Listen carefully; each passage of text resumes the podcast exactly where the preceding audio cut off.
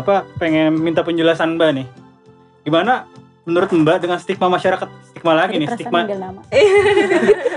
oh Mbak Indah stigma Mbak. iya. stigma yang jelek itu kayak mengenai masalah mental health atau psikologis gini dengan kaitannya dengan agama gitu kayak kayak misalkan lu depresi lu berarti kurang dekat dengan Tuhan itu kan banyak banget nih apalagi orang-orang tua yang bebal kenapa begitu? Kenapa begitu? Ini kayaknya pertanyaan pertanyaan pribadi. pasti begitu. Oke, gimana ya? Eh, gini, kita eh, tantangan berikutnya. Gue selalu bilang tantangan kenapa? Ya memang setelah pikir-pikir itu adalah kita hidup dalam asumsi. Iya. Gitu. Jadi kayak eh, pasti lo begini ya gitu kan. Mhm. Wah lu gila lu kurus banget lu berat lu pasti nggak makan ya gini-gini. Ya kalau emang bodinya emang Udah misalnya dari- kurus iya. dari dulu mau makan seapapun Banyak gitu. apa pun ya. tapi benar nggak kan sih Mbak depresi itu jauh dengan Tuhan Ya enggak. enggak kan Saya bilang gini, lu nanya atau eh, lu meng- mengafirmasi eh, jawaban lu. ingin, ingin mencerdaskan Jadi gini, eh, gue nggak bilang gini, gue nggak bisa bilang iya atau enggak karena kita harus lihat penyebab dari depresi itu apa. hmm, gitu Jadi kalau penyebab depresi itu adalah misalnya lu berdoa terus tapi tetap lu tetap depresi. Berarti kan bukan masalahnya bukan karena lu nggak deket ya. sama Tuhan dong. It's very two different thing gitu. Jadi very different thing gitu ya bukan masalah pasti atau enggak. Hmm. Kalau depresi itu banyak faktor, makanya kita harus eh, speak by data, speak by fact maksudnya. Si tanya depresi, kamu depresi kenapa? Why-nya itu harus terjawab sampai intinya. Baru bisa tahu, oh oke penyebab depresi kamu adalah A. Berarti yang diobatin A gitu loh. Jadi Iya. kayak dokter sebenarnya gitu Ya, kan. soalnya takutnya kan kayak misalkan emang dia punya masalah mental illness gitu orang tuanya Rukiah, Rukiah, Rukiah, jadi keluar, jadi keluar, eh tetap depresi, jadi masuk lagi, bukan begitu kan? Jadi eh, ini soalnya masalah sensitif kalau agama ya. Tapi tapi tapi intinya adalah itu. Jadi kita harus pikir penyebabnya apa dulu gitu loh. Jangan langsung menjudge ya. Jangan- Pokoknya segala sesuatu itu jangan judge, jangan asumsi. Kalau ini pasti begini, kalau itu pasti begini, nggak ada hal yang pasti kecuali ya lu sama Tuhan, Tuhan yang tahu pasti lo kapan mati, kapan hidup, kapan apa gitu itu aja. Mhm. Ya simple aja lah. Iya. Itu bapak-bapak. Apa ada Oke. bapak-bapak? Jadi aku tarik. Tadi boy, masukin lagi ya. Mohon maaf, mohon maaf. Oke, ini aku ada pertanyaan lanjut nih Mbak. Ada pakem kapan atau tempat tepat di umur berapa karakter seseorang bisa menjadi dewasa? Pertanyaan dia tuh mbak. Oh, iya, iya. Gitu. Oke oke Jadi menurut- seru seru. Wih bicara tentang kedewasaan. Jawabannya adalah tidak ada pakemnya. So um, ada perbedaan antara aging gitu ya, iya, age umur. dan mature. Kalau Inggrisnya kan ya usia. Usia. Kalau kita bahasa Indonesia usia gitu Hmm, dewasa gitu kan. Usia. Jadi ada istilah aging sama maturity. Mhm. Kalau kita bicara kedewasaan, aging itu adalah berhubungan dengan biologis. Ya lu aging keriputan tanda-tandanya terus habis itu ya kulitnya makin agak lebih Fisik. gelap Secara gitu fisik kan. gitu ya. Secara fisik kita bisa lihat Iya, gitu ya. Itu emosional kalau mulai berontak. Tapi nggak selalu. Om. Nah, kalau kita bicara maturity bisa sa- bisa umur berapapun ada dalam level of maturity yang berbeda. Misalnya kalau misalnya remaja, lo dibilang "Eh, ini remaja dewasa banget ya, misalnya gitu. Dia mungkin di antara teman-temannya lebih bisa memahami dan lebih bisa menghadapi beberapa permasalahan-permasalahan yang dianggap berat gitu Hmm. kan. Mungkin gitu. Misalnya stres belajar gitu. Yang lainnya udah pada give up tapi dia tetap jalan terus. Nah, Mhm. tingkat maturity-nya dilihat dari mana rasa tanggung jawabnya dia bahwa ini dia disekolahin berarti dia harus eh, bisa berprestasi dengan baik misalnya gitu. Nah, jadi kalau maturity itu ya kita lihat dari situ eh, bisa dibangunnya dari apa ya? Dari lingkungan gitu. Dari lingkungan cara dia yang hubungannya dengan mental illness adalah cara dia menghadapi segala macam tantangan dalam hidup gitu. Oh, Itu dia. Kalau kehidupannya keras itu otomatis biasanya materinya tingkatnya tinggi ya. belum tentu. Akan keras. produknya jadi apa nih? Ibaratnya produk kita jadi gimana? Kalau misalnya produk kayak dia misalnya gue dapet kehidupan yang sangat keras terus dia akhirnya pinggiran. ujung-ujungnya mungkin juga jadi nggak bagus gitu ya Hmm. nggak baik lah orangnya ya maturity-nya mungkin eh kita nggak bisa bilang rendah sih gitu kan tapi kita harus tahu ujungnya apa gitu Hmm. Terus kalau misalnya eh, ada juga kok yang hidupnya gampang gitu kan, tapi dia juga tingkat maturity-nya tinggi. Karena mungkin dia eh, banyak bersosialisasi Oke. dengan banyak orang gitu. Jadi dia bisa kenal karakter satu dengan yang lain, dia bisa mengerti gitu kan. Oh, si A begini gitu Lebih kan. open minded Iya. ya. Gitu. Jadi faktornya banyak baik baik dari lingkungan, dari sosial, dari self development. Hmm. Mungkin dia senang baca gitu kan Oke. gimana caranya meng apa ya mem- mengasupi dirinya dia dengan bacaan-bacaan yang positif misalnya Hmm, gitu. Berarti lingkungan sekitar juga sangat mendukung untuk kesehatan mental ya. Iya, pasti, Sangat pasti penting ya. gitu. Kalau dari yang mbak pelajarin dari ilmu psikologi gitu, bener nggak sih kayak kelainan dalam psikis seseorang itu itu bawaan dari lahir DNA itu ada nggak sih? Oh, oke. Eh, kemarin eh, saya sempat yang terakhir adalah ada penelitian di Scotland Em, apa namanya dimuat di American Journal of America eh, American Journal of eh, Human Genetics Mhm. gitu. Jadi emang ada per ada penelitiannya gitu ya bahwa eh, gen itu bisa mempengaruhi molekul lemak pada otak sehingga bisa mempengaruhi kesehatan mental seseorang gitu. Let's see, eh, eh, let's say kayak eh, misalnya dia ada apa ya kelainan di otaknya dia sehingga eh, nerve-nya nerve syaraf Iya. eh, syaraf itu jadi terganggu Oke. gitu. Syaraf terganggu itu kan macam-macam nih Hmm. Mhm. gitu kan ada yang ya ujungnya adalah misalnya dia jadi schizofren Oh ya. gitu schizofren adalah eh, penyakit mental yang yang parah, Parah, gitu loh udah.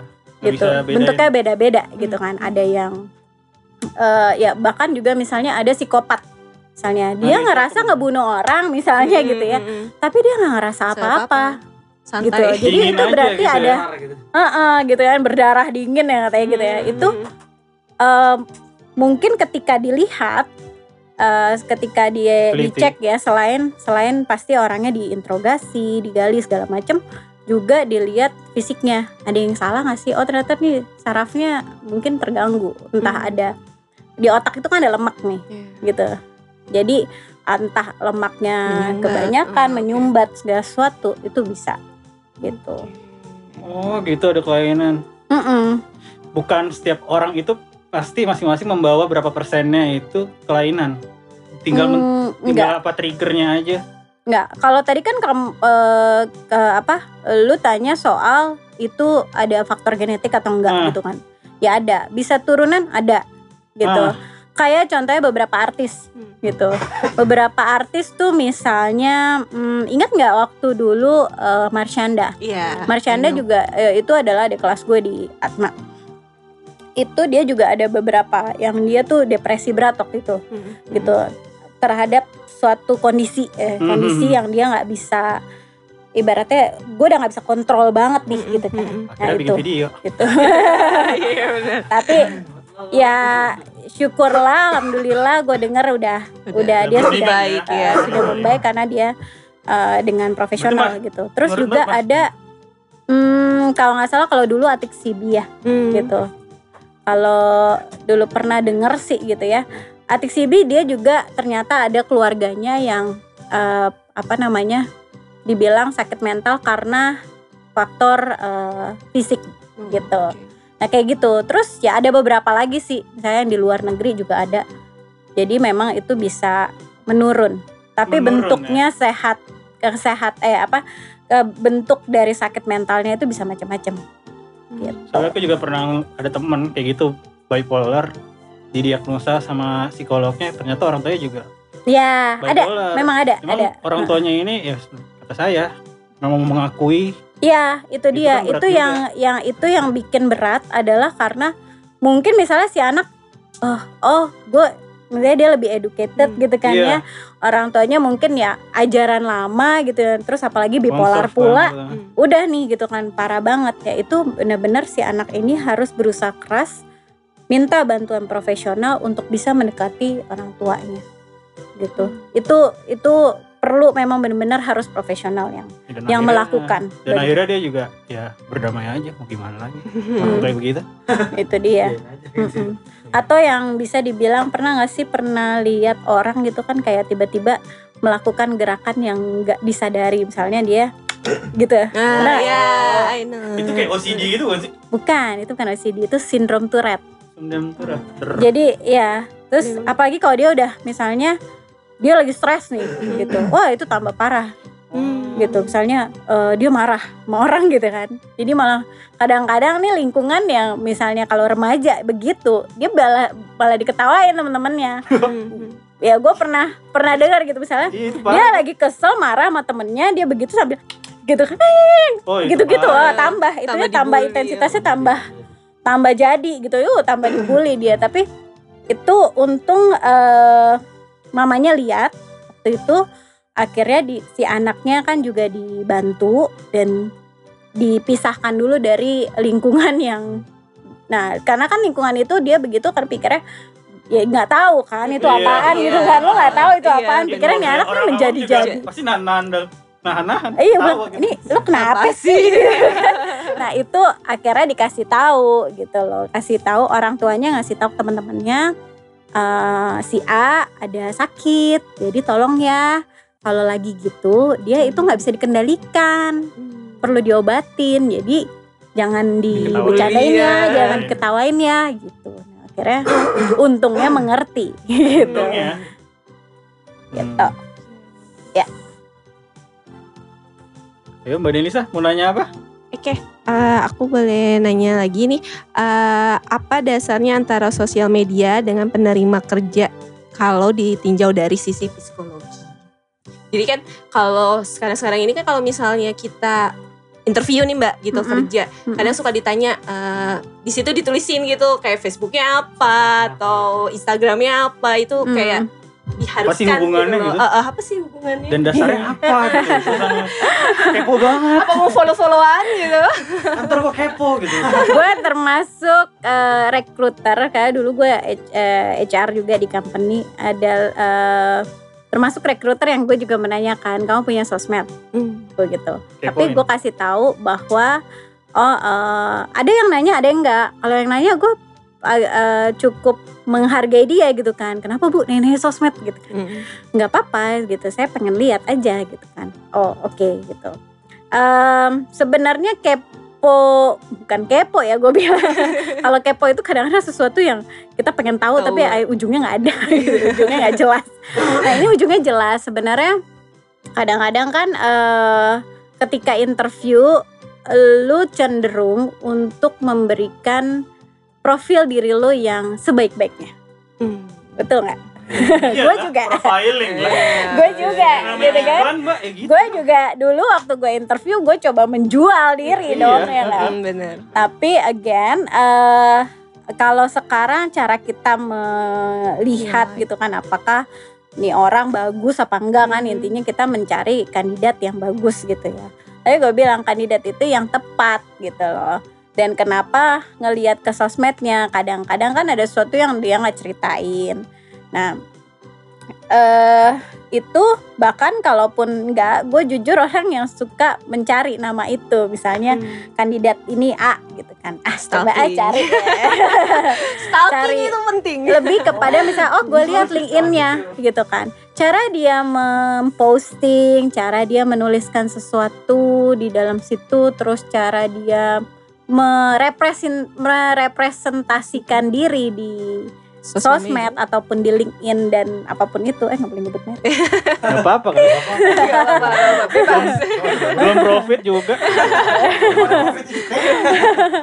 iya nggak boleh nyebut merek nah itu uh, adalah sebenarnya gue mengakses sebutnya mengakses itu apa ya menilai menilai apakah kandidat ini cocok apa enggak dengan value-nya company itu. Oh, Tapi kan Company yang postingan di sosmed random-random mbak. Maksudnya orang Ya, kadang cuma juga pola random. yang gue pelajarin adalah pola. Oh ada pola Karena setiap orang tuh punya pola. Oke, Gitu. beda-beda ya. Contohnya, hmm, sosmed siapa ya? sosmed gue deh. sosmed gue deh. Gue, eh gue punya dua sosmed, eh, satu eh, apa dua account. Eh, dua account satu sosmed misalnya. Satunya adalah untuk profesional, yang satunya adalah gua sendiri gitu. Di gua sendiri ya gua explore everything, baik jeleknya, baik bagusnya. Di profesional ya soal kerjaan doang gitu Hmm. yang gua kasih lihat. Dari kerjaan itu, oh gue bisa lihat dong, oh lo kerjainnya apa aja ya. Terus misalnya nih, ada lagi eh kandidat misalnya kita mau cari em, sales deh lebih enak sales eh, sales itu kan dia harus jualan produk gitu Mhm, kan iya. terus dan kita juga mungkin tuntutan dari perusahaan adalah lo bukan cuma jual tapi lo bisa upskill uh, upselling nggak gitu Hmm. kan bisa menjual satu produk tuh menjadi bagus yang tadinya eh, ini deh gitu kan air mineral gitu kan Mhm.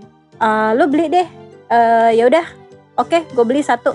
Nah lo bisa mengemas itu dengan lebih ini nggak? Tau nggak kalau lo belinya lima karung lo dapet gini gini gini gini gini. Nah Hmm.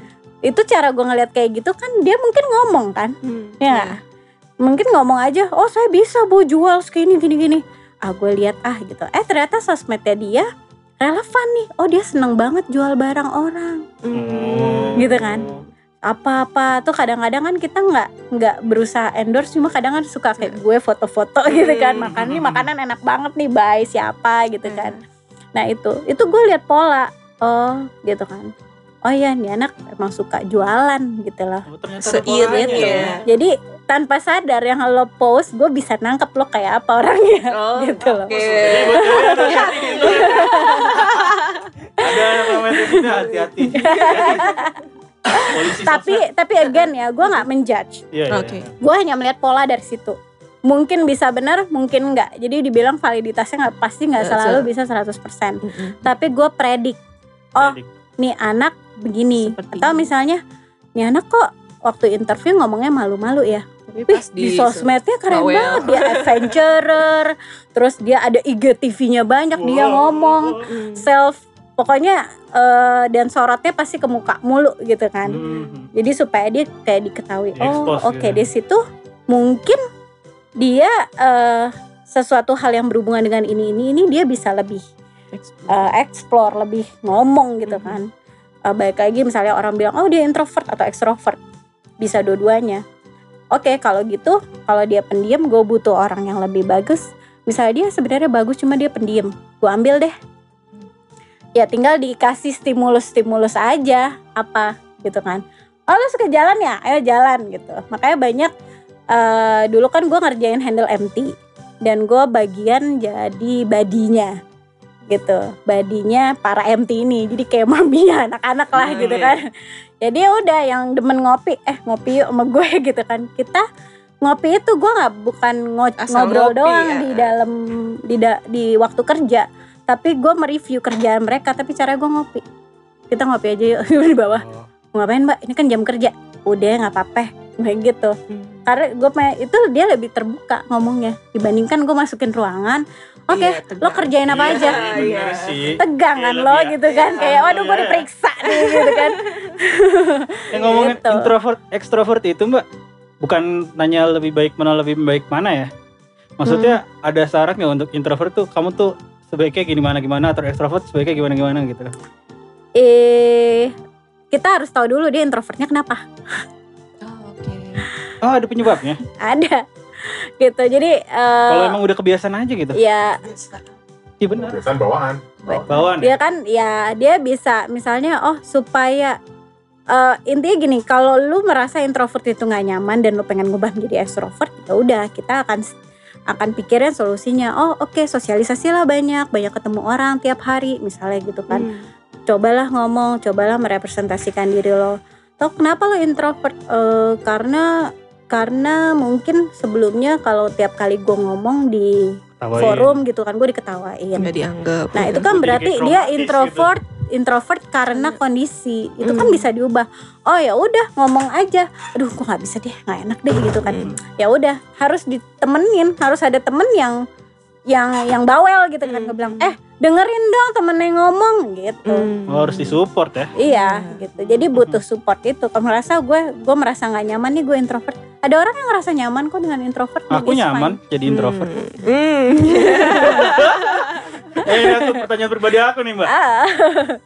Pertanyaannya ini psikotes di perusahaan-perusahaan itu emang sebenarnya ada kaitannya dengan mental health atau cuma perusahaan itu pengen nyari apa kondisi apa apa sih apa tingkat karya apa karyawannya itu bisa diajak kerja sama atau enggak patuh apa enggak tingkat kepatuhannya apa emang benar ada kaitannya dengan Hmm. mental health Bisa jadi bisa enggak. Jadi jadi, bisa tergantung dari eh, Kantornya. kriteria dari perusahaan itu dia cari apa dan cari profil karyawan yang seperti apa gitu. Tapi again eh, balik lagi kalau ibaratnya gini secara general technical deh lo Hmm. bagus gitu kan. Lo Hmm. jago banget eh, analisa, lo tukang jualan segala macem. Tapi eh, ujung uj- tapi lo bukan orang yang kolaboratif. Lo mendapatkan target sales lo itu adalah dengan main sikut sana sikut sini, Ah, lo iya. ngebohong sana sini. Lo ya pokoknya lo jadi orang yang nggak kooperatif lah di Hmm, kantor hmm, gitu kan. hmm, Ya kan hmm. namanya kerja di kantor lo mesti kerja sama sama orang iya. dong. Nah, itu kan bisa memicu kepada eh, gangguan kepada orang-orang lain gitu kan yang ujungnya pasti ya eh, bakal berantem lah gitu kan akan terjadi konflik dan lain-lain itu kan hal yang tidak diinginkan oleh perusahaan dan juga orang-orang yang ada di dalamnya gitu kan. Hmm. ya itu udah pasti secara eh, langsung eh secara tidak langsung bisa mempengaruhi baik kesehatan mental orang lain gitu kan yang hubungan sama dia. Eh, juga kesehatan mental dia dong gitu kan. Wah ini masalah nih. Lu nggak mau dong meng-hire karyawan yang masalah kan Iya, iya gitu pasti. Soalnya banyak banget kelolosan kayak tiba-tiba ternyata udah di hire hire ternyata dia pedofil gitu-gitu? Eh, itu itu kasusnya sih sebenarnya sih jarang ya gue bilang ya. Termasuk jarang? Tapi gini kita kan kalau interview nggak bisa ngelihat sampai situ. Hmm. nah iya gitu itu loh jadi makanya em, apa namanya tindakan again kalau misalnya emang sudah terjadi demikian ya kita selalu Sesuai. berpikir pada solusi bisa jadi misalnya kalau benar dia memang dia pedofil gitu ya misalnya ya dipecat atau gimana ketindakan dari perusahaan gitu berarti memang karyawan tidak sedalam itu cuma Enggak, enggak sampai ya makanya tergantung dari apakah ke perusahaannya apa dulu. Terus kriterianya, kriterianya apa yang dia minta dari seorang karyawan itu seperti apa. Hmm, Semakin detail ya semakin bagus dan lo bisa dapetin karyawan yang tepat di dalam perusahaan. Tapi kalau enggak ya dapetnya yang aneh-aneh gitu loh. Iya, iya. soalnya kan Dan itu bisa ya salah satunya misalnya dia ada juga yang nggak punya sosmed sama sekali itu yang kadang kan susah hari gini umur Iya. segini nggak punya sosmed nggak punya ini kita stres nggak ada nggak ada namanya gitu kan hmm, ya udah gitu kan. Ya cari cara lain untuk eh, misalnya oh kok kita bicara keluarga misalnya.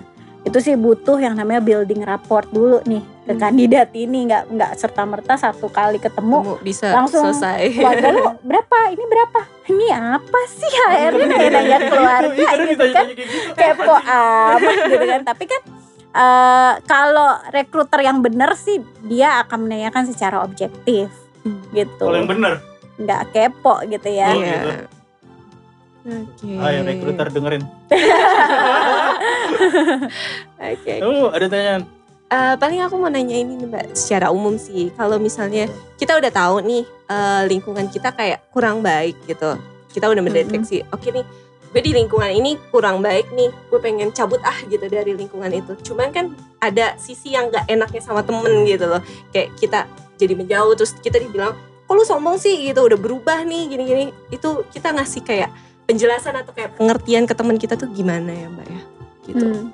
Karena Oke. kita sadar lingkungan itu kurang baik gitu. eh misalnya lingkungan kurang baiknya apa nih? Apakah di antara rame-rame ini misalnya satu yang dia sangat negatif lah orangnya misalnya dia suka eh, kita lagi ngomong apa dia ngebandingin ih lu kok begini sih gue Iya, mungkin begini secara gitu kan iya. Bandingin tuh. Eh, dalam pertemanan sih se kita lihat dari kedekatan juga ya ya biasanya kalau kita bilang sebagai teman Mm-mm. itu kita bisa punya eh, keterbukaan nih gitu Hmm. kan keterbukaan di situ kan nggak mungkin lu tiba-tiba menghilang Iya. lu sampaikan dulu gitu kan gue eh, eh boleh nggak gue ngomong sesuatu jadi ibaratnya kalau istilahnya trespassing trespassing itu adalah ngomong lu merasa misalnya lu merasa dengan semua eh, lu ngerasa negatif itu Mm. dengan semua atau dengan beberapa orang kalau dengan beberapa orang ya tariklah beberapa orang itu eh gue ada mau, mau ngobrol nih gitu kan Mm. gue ada mau atau misalnya eh gue mau sharing gitu sharing kan lebih kita menempatkan diri Sejajar. sejajar ya Iya. gitu kan nggak gue mau ngajarin atau eh gue mau bilangin lo kan nggak enak Mm-mm, gitu, kan. mm-mm, mm-mm, gitu eh gue mau sharing nih suatu kan lo pada temen gue enak dong mm-mm. lu harus menghargai orang itu sebut walaupun orang itu nyebelin buat lo Oke. misalnya karena lu pengen ngomong sesuatu yang Serius. sus- jujur gitu nah ya ibaratnya kejujuran itu kadang-kadang pahit dan pedih bu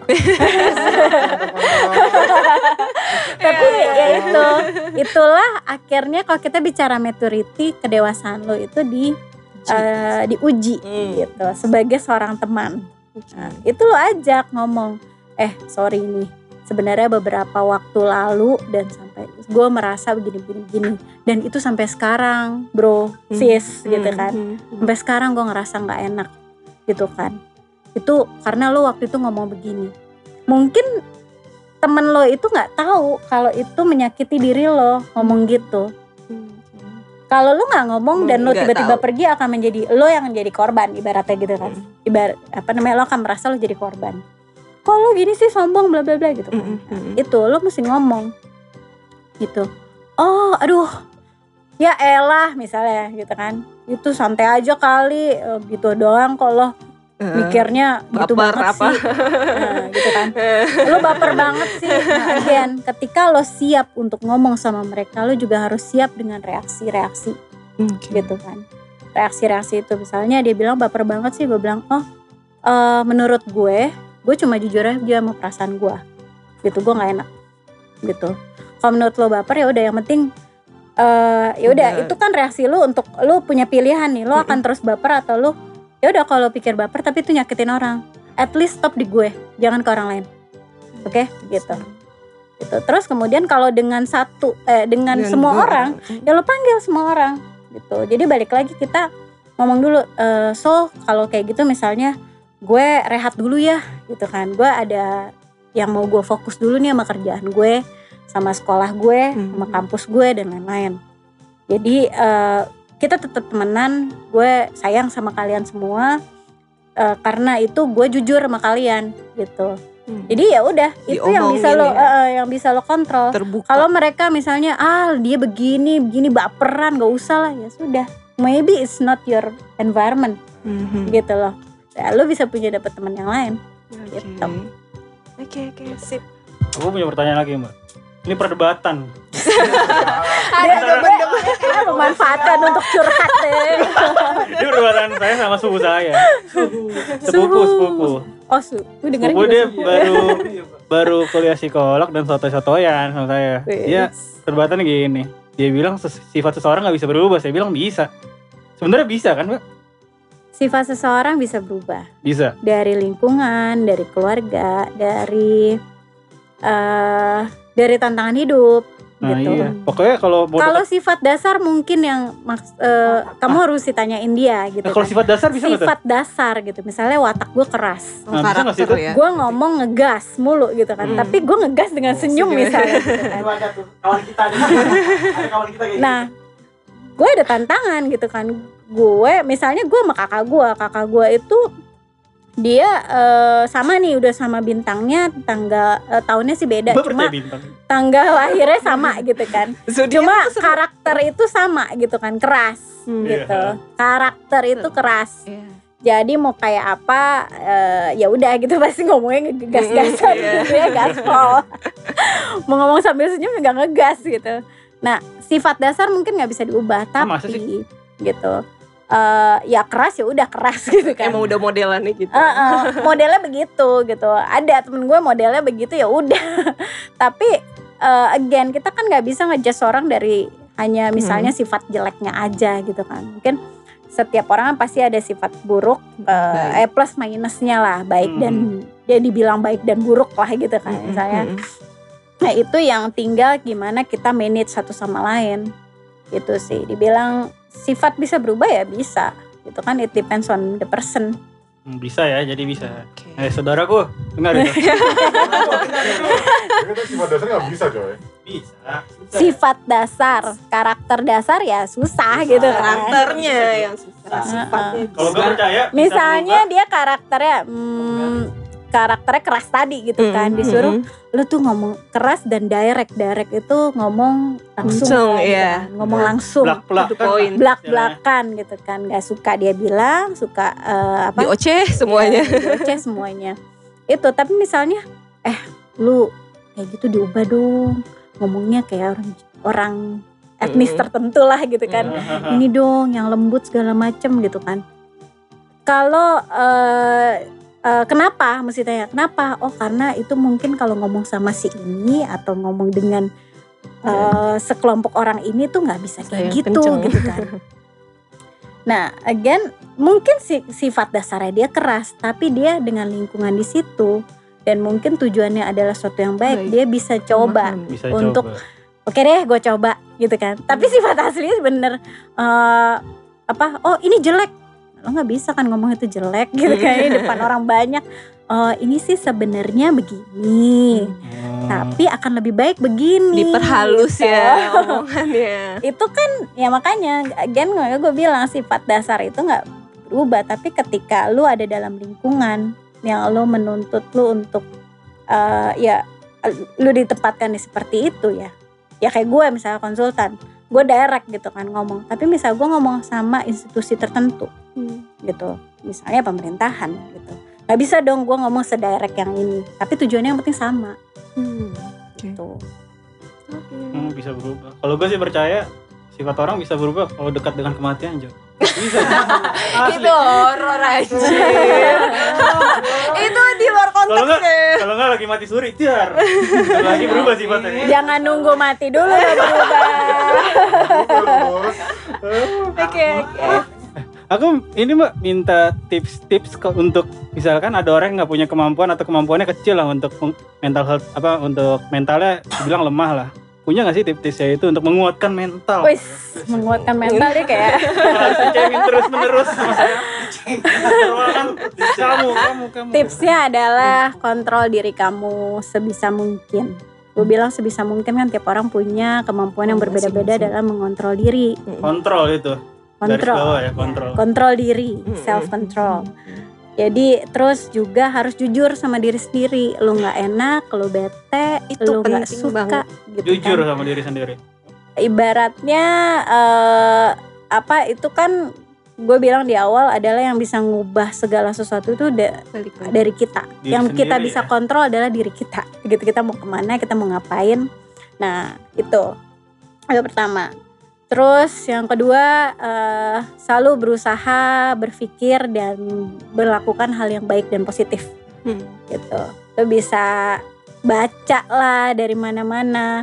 Lo bilang, aduh soalnya lingkunganku negatif banget. Nah again gitu kan. Hmm.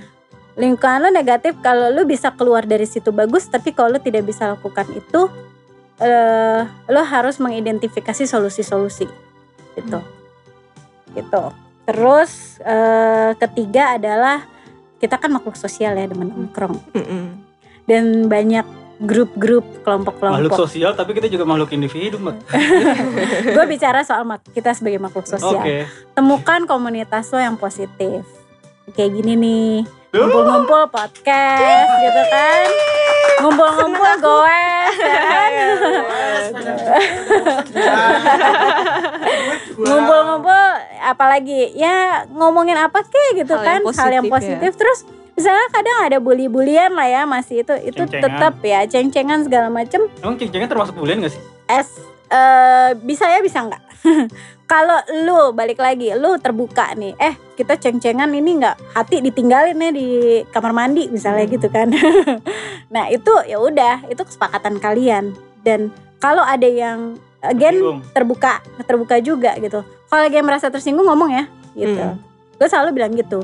Kadang-kadang gue suka ngomong keceplosan misalnya, Hmm. ya kalau misalnya nanti ada yang menyakitkan hati kalian, tolong dibilangin ya. Atau gue juga misalnya, aduh, gue nggak suka deh lo ngomong kayak gini. Langsung aja ngomong gitu.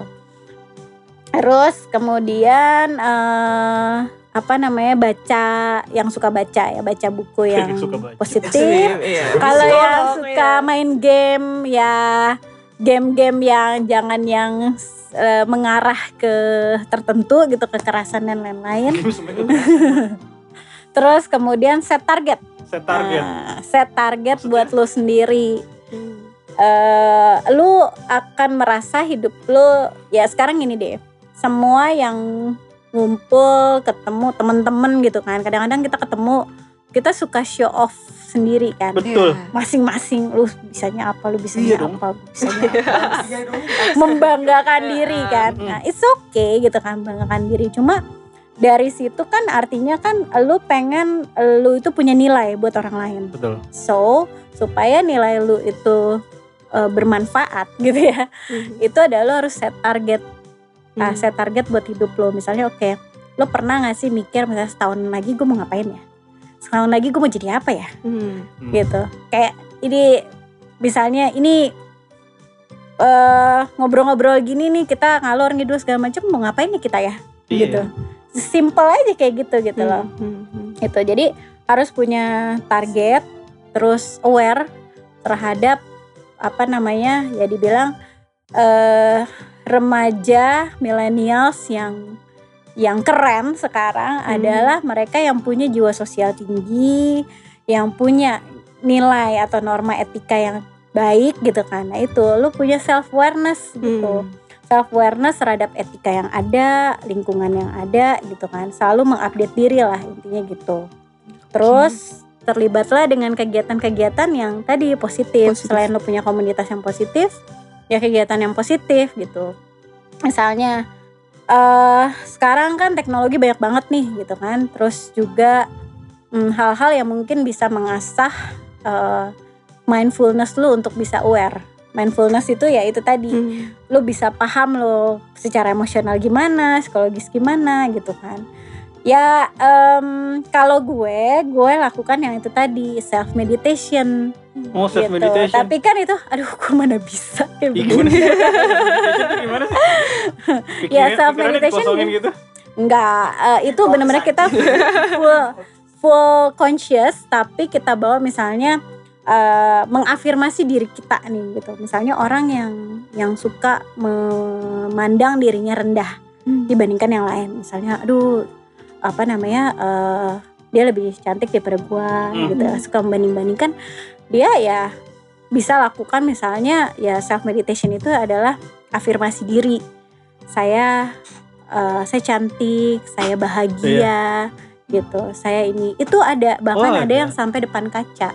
Dia harus melakukan Oh, itu. di depan kaca. Nggak, Ada saya yang gitu. tuh tekniknya tuh kayak duduk sila, merem kayak biksu-biksu di Tibet. gitu. Yoga, oh Beda, yoga, beda. meditasi. ada ada ada yang seperti itu kan beda itu beda-beda. ada yang begitu ada yang yang yang afirmasi tadi bahwa yang tadinya tadinya dia ngerasa aduh kalau gue males nih ngumpul tapi gue seneng ngumpul masih ada kan yang Hmm. temen yang dia diem aja Iya, gitu ada. kan terus kadang-kadang oh dia pemalu banget ya apa makin dia makin di dibully. cek-cekin gitu gitu kan nah itu kan dia bisa lakukan kayak self afirmasi tadi Iya. gitu Afirmasi. aku baik aku apa aku apa itu ada kayak gitu latihan itu ada Oke. Gitu. tapi intinya ya lu lu yang tahu ke kondisi lu Sebatas karakter mana. lu kesukaan lu misalnya gile nggak mungkin kali gue self meditation yoga gitu kan. ya apa gitu kan yang lu bisa banyak banget sekarang ya sepedaan itu gitu kan. Nonton konser bareng atau kan kalau sekarang eh, konser kita bisa dengerin di sini. Gue termasuk suka di EDM juga gitu kan. Udah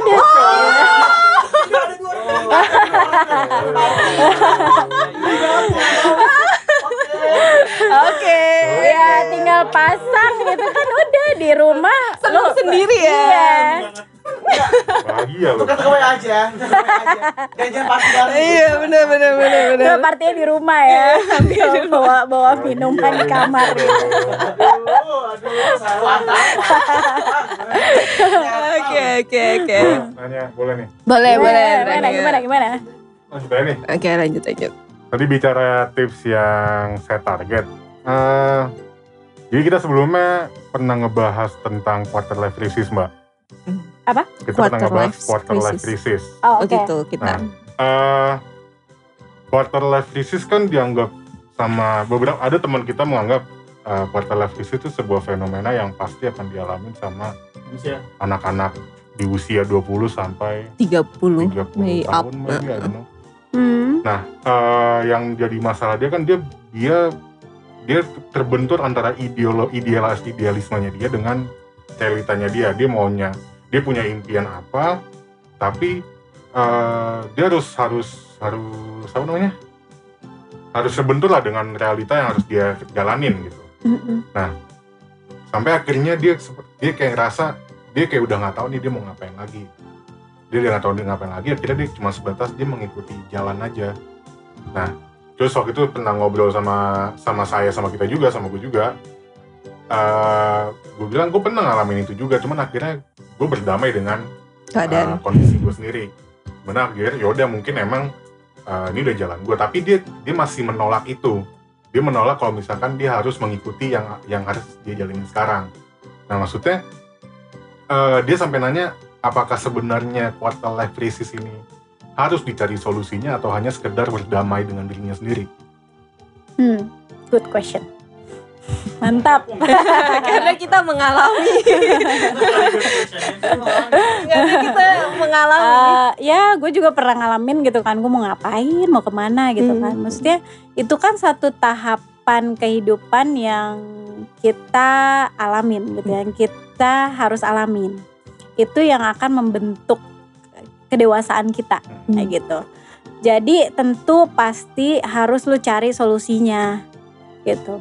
Misalnya ya eh, tapi lu jangan memaksa diri jadi ini harus ada solusinya ini harus ada. Nah itu Hmm. makin bikin lu nggak lo nggak mentok lo nggak kepikir apa pun. So kalau pada saat itu eh, adalah lo live eh, dalam certain time gitu dalam waktu tertentu ya lo live it aja dulu gitu kan lo mau seneng seneng kek mau jalanin lo yang lo pengenin Mhm.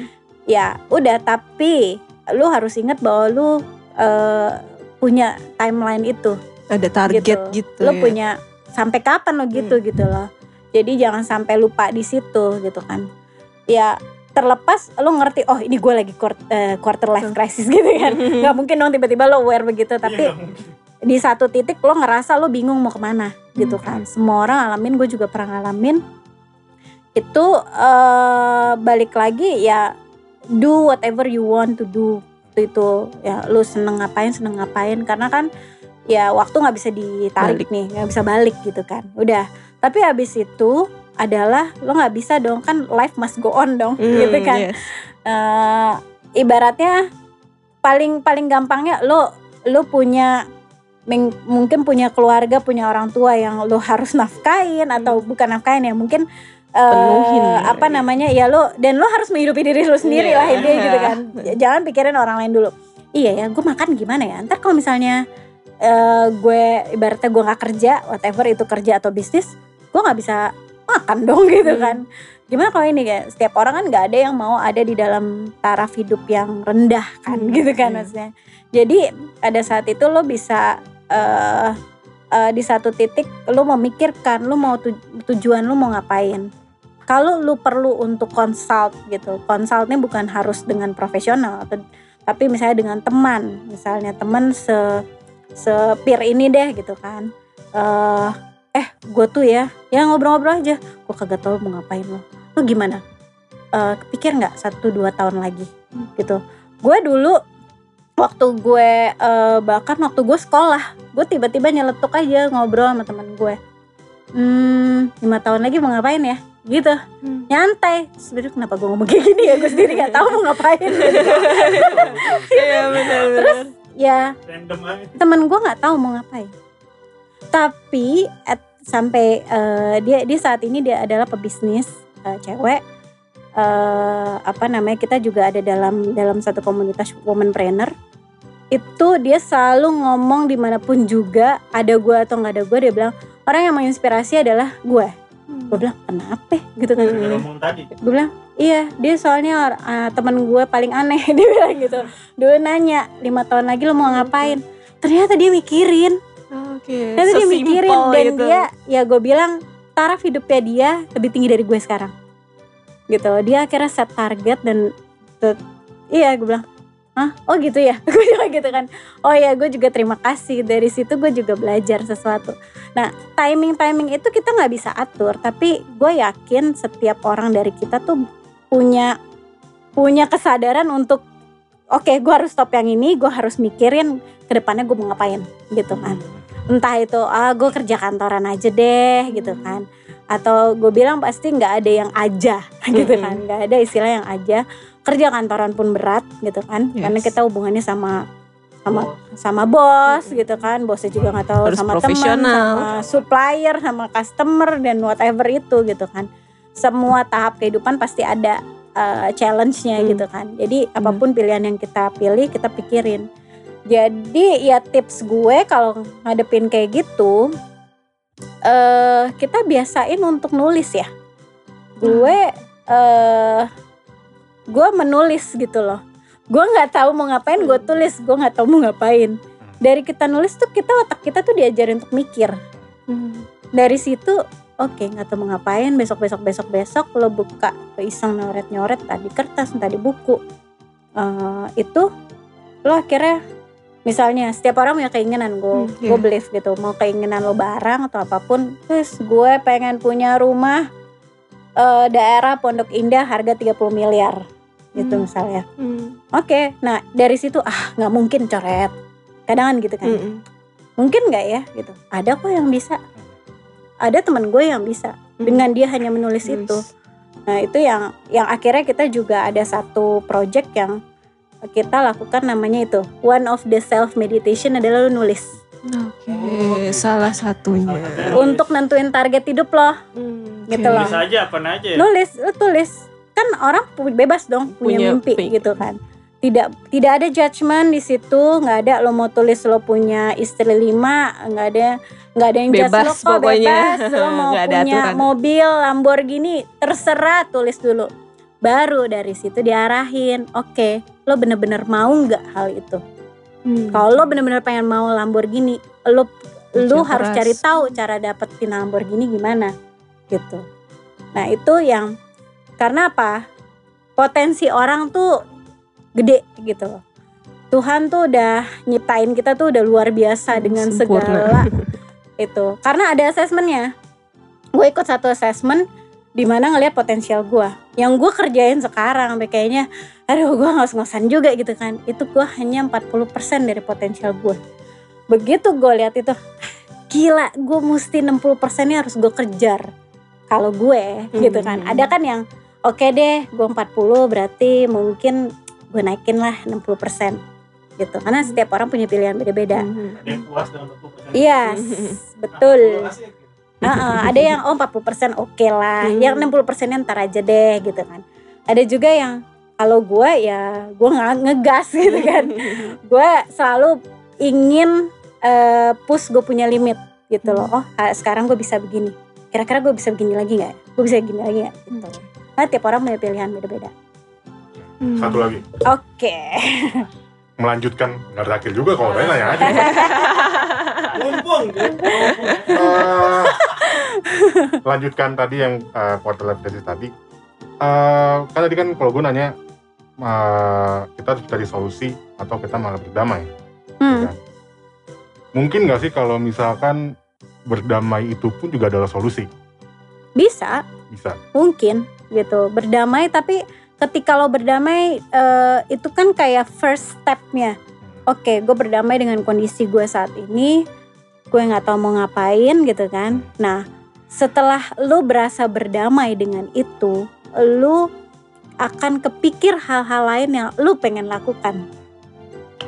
Gitu. Jadi kalau lo nggak berdamai lo terus konflik aduh gue nggak tahu nih mau ngapain. Maksa kelok gitu. Iya. karena kayak kayak apa sih otak mentok gitu loh. Mm-mm. kelok gitu loh. Mm-mm. karena lu lu menutup segala sesuatu tapi begitu lo udah oke gue rilis Mm. kan? Berdamai dengan diri sendiri kan gue rilis oke. Udah tenang. Ya udah besok gue mau ngapain ya? Oh be- besok gue mau lele aja seharian. Udah just do it. Seharian Hmm. lele kayak ngapain? Nah ketika lo berdamai dan lo menikmati kondisi lo begitu tiba-tiba lo akan kepikir eh iya ya gue pengen ini gue pengen itu gitu jadi terbuka Jadi ya terbuka. iya relax dulu santuy Iya, iya. Oke, sip, sip. Ada yang mau bertanya lagi? Udah, udah cukup. Kalau Karena sendiri mau nanya. Japri langsung kayaknya. karena terbentur waktu ya. Sebenarnya banyak banget mas saya mau nanya bang. Banyak lagi, cuma kebentur waktu. Banyak. Waktu. Banyak banget cuy. Ini tema gue banget. Jadi curhat. Iya, Mau kebentur mau aja. Ya so kalau Oke, yang oke. pendengar kalau yang mau curhat-curhat bisa aja ke Mbak. Indah ya. Follow IG-nya tadi Iya, tuh. follow IG-nya tadi. Bisa. lagi. Menit ke berapa tuh? Di awal-awal, bener. Operator jam berapa operator? Udah berapa jam? Satu jam dua puluh. Wih, luar biasa. Sebenarnya masih bisa panjang lagi, cuma nggak bisa. Nggak bisa lah. Waktu, Udah waktu. cukup, cukup, cukup, cukup. gas, kan? ingat lah dia lah Gue inget sama. Gue inget. Oh ya kita juga dari teman satu komplek ada teman kita yang buat film yang mau nonton premier. iya. Aduh ini udah. Udah, Masya cukup. Gak kerasa. Nggak berasa kan? Kan gue lupa mau promoin lagi. Udah lupa lu masuk. kita mau premier di Ales Cafe ja- tanggal 19 ya. film film apa? Film ada deh. Nah, Film ada deh. Harus, sama de- L director ya. Gue mah apa di sini? Gue cuma editor. Pesan doang. Gue ada. Gak ada Iya. apa-apa. Terus kalau yang mau ngumpul-ngumpul atau punya cerita bisa ke apa IG, IG, at teman satu komplek kita. komplek. Kalau mau ngumpul langsung kita biasanya di warung balap. ya Depan Warung balap tuh di mana? Iya ini mau gue jelasin. itu warung balap di depan Masjid Miftahul Jannah. Jadi kalau kalian di sana ada van, mobil van putih, remang-remang, mencurigakan, tenang. Itu cuma jual kopi sama minum-minum. Kita di situ nongkrong-nongkrong doang. Jadi ya segitu aja. kalau mau konsuling, mau konsuling. Kan tadi udah ya kalau mau konsul saya ulangin lagi. At IG-nya apa? Trisein Trise in. Trise pakai T T R I S E I N D Nah, Nah, Sambung. so, follow. follow follow ya DM DM dia. Follow ya. Follow, follow konsultasi jangan goda. Goda. Oh, dan ntar gue. Soalnya orangnya asik banget. Iya. kayak beng-beng kayak beng-beng eh. Mbak Indahnya cantik. Oke. Oke, Iya, iya. segitu aja ya guys ya. Dadah dadah dadah. Terima kasih dulu. dong. Iya, makasih Mbak Indah. Udah menjadi narasumber kita. Lain kali kita ngobrol-ngobrol lagi mbak. Sip. Aku punya tema pokoknya tinggal suguhin makanan yang enak-enak karena Oh, tenang. Tenang. ada sponsornya ya itu ya Ah, oke Tenang. Oke, Oke. segitu aja ya teman-teman. Dadah. Dadah. Yo, bye-bye. Dadah.